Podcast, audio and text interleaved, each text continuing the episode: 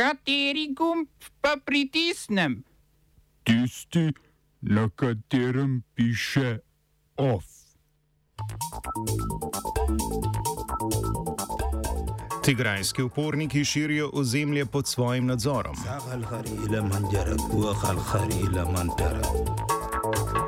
Iran ustavil oskrbo Iraka z električno energijo.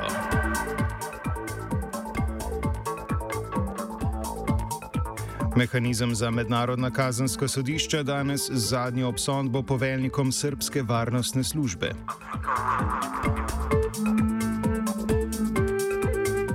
Radenski občinski svet ponovno v preimenovanje Titove ceste.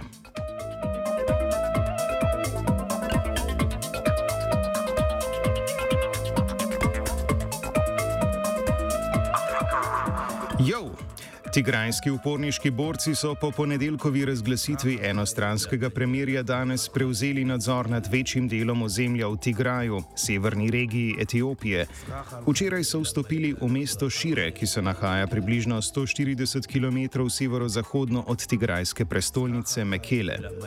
Uporniki namreč dvomijo, da bo premirje, ki ga je v ponedeljek razglasila etiopska vlada, pripomoglo k prenehanju osemmesečnega konflikta. Tega so novembra lani sprožile strani oblasti nepriznane regionalne volitve in vojaška invazija na regijo Tigraj. Po prevzemu nadzora tigrajskih upornikov so po ulicah vzniknila praznovanja, uporniki pa so se zavezali, da bodo iz regije pregnali vse sovražnike in Tigraj zaščitili pred etiopsko regionalno vlado.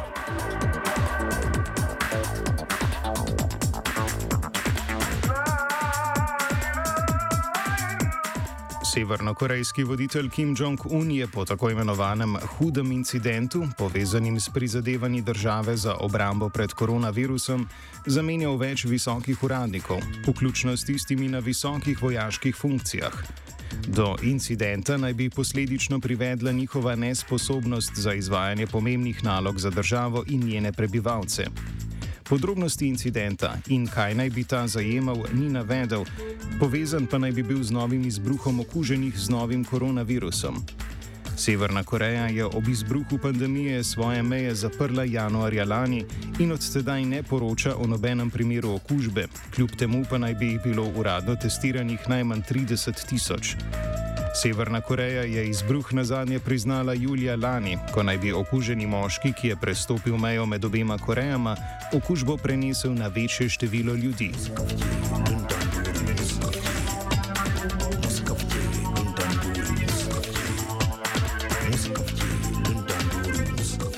Odvetniki finančne direktorice in hčerke ustanovitelja Huawei, Meng Wanzhou, ki se borijo proti njeni izročitvi iz Kanade v ZDA, so predstavili nove dokaze, ki nasprotujejo trditvam, da je Huawei načrtno zavajal britansko banko HSBC. Interna elektronska sporočila, ki so jih pridobili preko sodišča v Hongkongu in predložili kanadskemu sodišču, so pokazala, da sta bila višja direktorja HSBC seznanjena s povezavami med Huaweijem in iranskim čerinskim podjetjem Skycom. Ameriški toživci namreč zatrjujejo, da je direktorica Van Žov banko zavajala glede poslov med podjetjema in s tem kršila poslovanje v sklopu s trgovskimi sankcijami ZDA. Van Žov so zato decembra 2018 aretirali na podlagi obtožb o bančni prevari, zaradi česar je v hišnem priporu že dve leti. Njen primer pa rešuje kanadsko sodišče. Sodni proces proti Van Žov je močno ohladil odnose med Kitajsko in Kanado.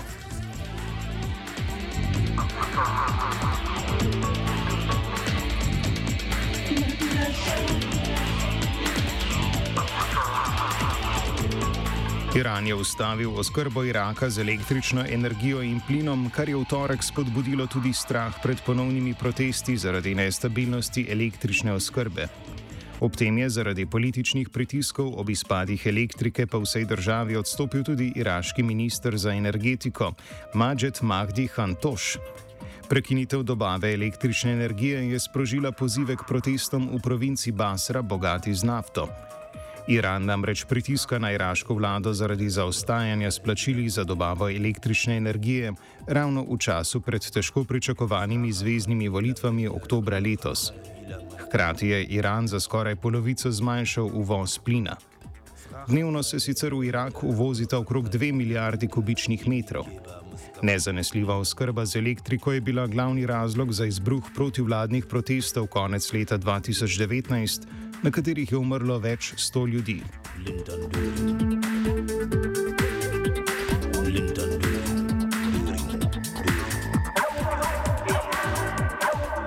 Hagu bo danes izrečena zadnja sodba sodnega senata mehanizma za mednarodna kazanska sodišča, krajše MICT, ki zaključuje delo mednarodnega sodišča za vojne zločine na območju nekdanje Jugoslavije. Tožilstvo je na ponovljenem sojenju za nekdanjega vodjo srpske varnostne službe Franka Simatoviča in njegovega namestnika Jovico Stanišiča zaradi vojnih zločinov nad Hrvati in Bošnjaki na Hrvaškem in v Bosni in Hercegovini med letoma 1991 in 1995 zahtevalo doživljenski zapor. Obramba je želela dokazati njuno nedolžnost. The chamber now has before it a vast body of evidence which in our submission establishes beyond any reasonable doubt the responsibility of the accused, Jovica Stanisic and Franco Samatovic, for the crimes of persecution, murder, deportation, and forcible transfer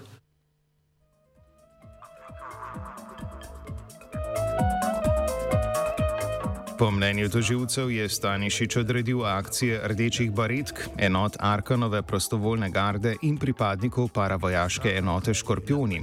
Simatovič pa jih je nadzoroval na terenu v Vukovarju na Hrvaškem in Bielini, Doboju ter Zvorniku v Bosni in Hercegovini.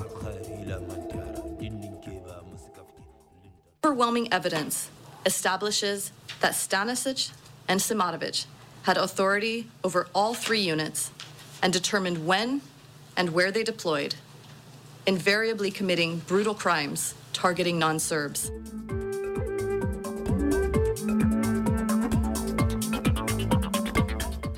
Najdaljši sodni proces tega tribunala je trajal kar 18 let. Postopek proti obtoženima se je začel leta 2003, ko je tožilstvo Haškega mednarodnega sodišča za vojne zločine na območju nekdanje Jugoslavije uložilo obtožnico.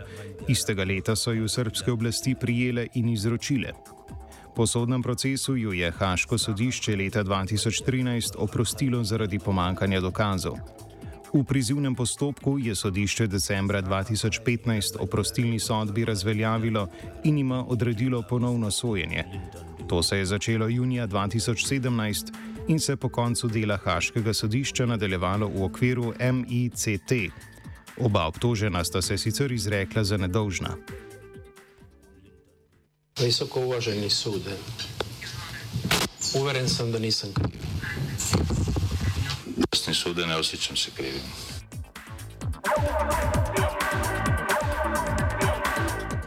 A Srbiji gredo na roko vsaj v ZDA. Čekaška županja Lori Lightfoot je namreč 28. juni razglasila za Đurđev dan. Chicago ima namreč eno največjih srpskih diaspor v ZDA, ki šteje okoli 350 tisoč etničnih Srbov. Mesto bo odslej vsako leto skupaj z njimi praznovalo spomin na turško okupacijo in bitko za Kosovo, ki je Srbiji vzela neodvisnost za nadaljnih 400 let.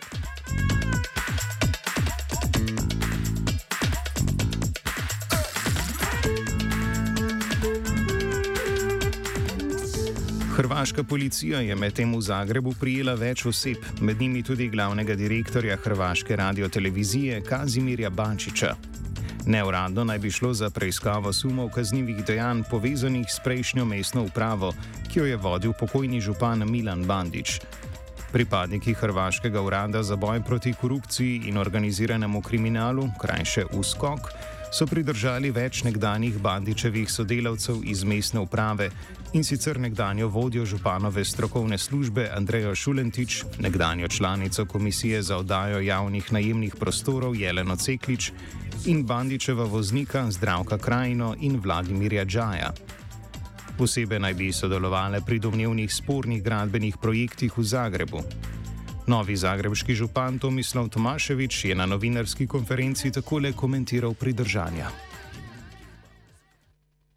Ono što mogu reći jest da mi kao nova gradska uprava smo potpuno posvećeni cilju da se na svaki mogući način surađuje sa istražnim tijelima i da se raš- raščiste svi sumnjivi poslovi u ovom gradu. Znači da se provjetri sve što se treba provjetriti, da se raščiste svi sumnjivi poslovi u ovom gradu i potpuno su posvećeni suradnji sa istražnim tijelima da tako i bude. Mi doista, ja ne želim više da ova gradska uprava i ova zgrada bude simbol neke netransparentnosti, sumnje na korupciju i tako dalje. Ovo ću, bom odgovoril na angliški. Slovenia will try to help. We can Slovenia will and we will do our utmost to say that the situation is our problem ourselves. and uh, We will make further steps as soon as the conditions are. bomo vlado Marjana Cererja, Mira, Marjana Cererja Šarca podprli. uh, very, very serious.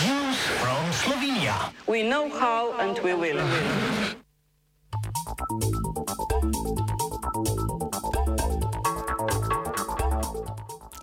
Prihodki državnega proračuna so v prvih petih mesecih dosegli 4,5 milijarde evrov, kar je 26,8 odstotka več kot v enakem obdobju lani. Odhodki so se povečali za 21,2 odstotka na 5,9 milijarde evrov. Primankljaj tako znaša 1,3 milijarde evrov in je malenkost višji kot lani ob tem času.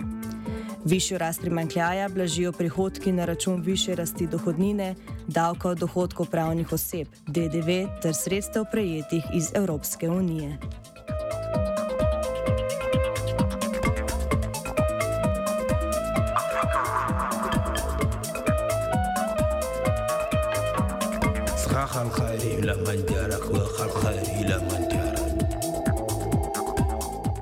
Danes stopa v veljavo novela kazanskega zakonika, ki v slovenski pravni red vnaša nov koncept dojemanja spolnih kaznjivih dejanj po modelu samo ja pomeni ja. Državni zbor je novelo brez glasu proti potrdil 4. junija. Njen sprejem je rezultat dolgoletnega družbenega gibanja za redefinicijo spolnega nasilja.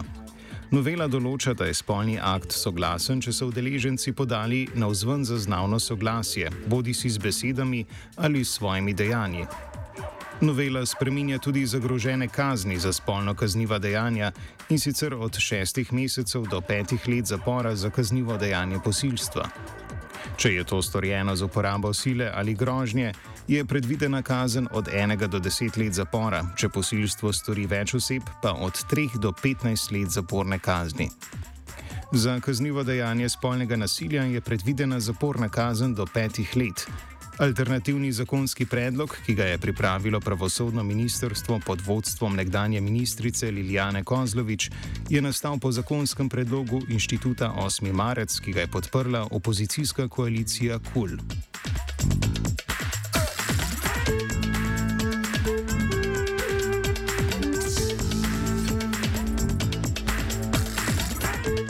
Potem, ko je ustavno sodišče odpravilo odlok o preimenovanju Titove ceste v Radencih v cesto osamosvojitve Slovenije, je občinski, občinski svet na torkovi seji preimenovanje znova podprl. Odlog bo začel veljati 15. dan po objavi v uradnem listu, s čimer bodo po besedah župana Romana Leljaka v celoti spoštovali odločitev ustavnega sodišča. Ustavno sodišče je prejšnji odlog razveljavilo, ker je župan ravnal nepravilno, ko je odlog razglasil pred potekom 15-dnevnega roka. Ta je namenjen uložitvi zahteve za razpis referenduma o odloku, zato odlog ni bil zakonit.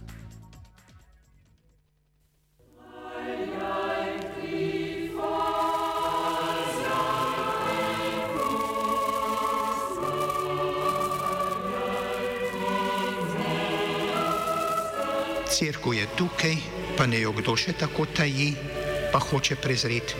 Tukaj je in treba jo vzeti takšna, kakršna je. Pokloni.